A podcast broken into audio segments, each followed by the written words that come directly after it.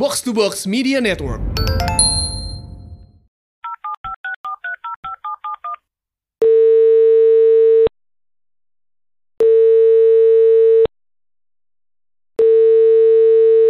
Hai, gue Rizka. Gue kakak tirinya Fajar. Bokap sama nyokap gue cerai pas umur gue setahun. Masalahnya, kakek-kakek dan nenek-nenek gue gak ada yang setuju kalau mereka nikah. Jadi, mereka dulu nikah gak ada orang tua yang nemenin. Nyokap gue diwaliin sama om gue. Dan pas nikah cuma ada beberapa temen deket doang. Gak ada keluarga lain yang datang. Bokap nyokap gue dapet tekanan terus dari mereka. Dari sana sini lah. Tiap hari ada aja yang bikin ribut. Masalah sepele aja bisa bikin tiap hari jadi berantem. Gue gak tahu persisnya gimana. Yang pasti, akhirnya bokap gue minta cerai dan nyokap gue langsung gak iyain. Nyokap gue gak pernah nikah lagi. Dia ngurusin gue sendirian. Hmm, sebenarnya nggak sendiri-sendiri amat sih. Bokap gue tuh bantuin. Tapi nyokap gak pernah tahu. Jadi, bokap ngasih duit ke tetangga gue. Dan tiap hari tetangga gue ngirimin makanan. Tapi gak bisa lebih dari itu. Nyokap gak pernah mau nerima uang dari bokap dan nyokap gue banting tulang buat ngegedein gue. Sampai akhirnya nyokap sakit-sakitan dan meninggal pas gue umur 10. Sejak itu, gue tinggal sama bokap gue yang ternyata udah punya istri baru. Dan udah punya anak yang cuma beda 2 tahun sama gue.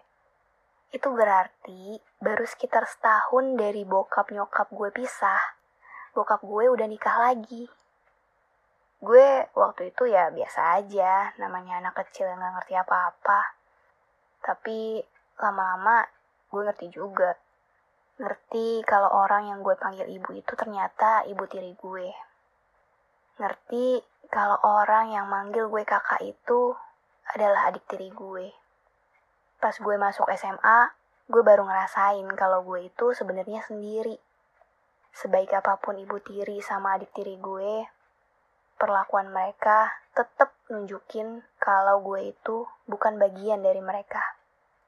Kalau makan, gue gak pernah diajakin. Meski emang di meja makan ada kursi sama peralatan buat gue makan. Kalau ke sekolah diantar pakai mobil, gue gak pernah diajak. Tapi emang bokap gak pernah berangkat kalau gue belum ada di mobil dan Fajar nggak pernah masuk ke mobil sebelum gue masuk. Dia nggak pernah nanya gue pengen duduk di mana. Tapi kalau gue duduk di belakang, dia otomatis duduk di depan. Bokap nggak pernah nanya gue pengen apa. Tapi tiap bulan gue memang dikasih uang. Bokap kelihatan banget ngemanjain Fajar. Apa yang dia pengen selalu dikasih. Gue malah nggak berani minta apa pun Meski gue tahu bokapnya Fajar, ya bokap gue juga. Di rumah, Fajar gak pernah ngajak gue ngobrol. Delapan tahun jadi anak tunggal, tiba-tiba ada gue muncul di hidup dia. Dia kelihatan risih kalau lihat gue ngobrol sama bokap. Selalu aja nyerobot ngomong biar bokap jadi ngajak ngobrol dia.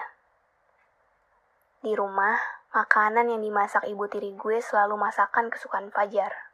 Gue gak pernah ditanya sukanya apa. Dan kalau ibu tiri gue masak sesuatu dan gue gak ambil, gue gak pernah tuh ditanya kenapa. Padahal gue gak suka makanan itu karena gue alergi. Sekarang gue udah lulus S2 dan Fajar udah lulus S1. Gue gak pernah ditanya maunya apa.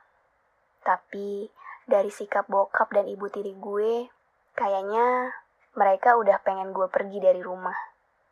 Tiap dikasih lowongan kerja, pasti selalu di luar kota. Dan kalau udah dikasih loker, gue ditanyain terus. Udah ngelamar apa belum? Kapan interviewnya? Diterima apa enggak?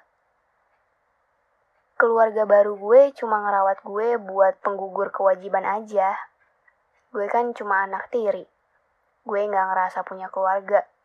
Cuma ngerasa kayak jadi sugar baby aja. Tapi sugar daddy-nya ya daddy gue sendiri.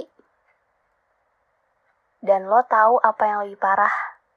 Yang gue omongin ke lo itu semuanya bohong. Gue cuma ngeprank.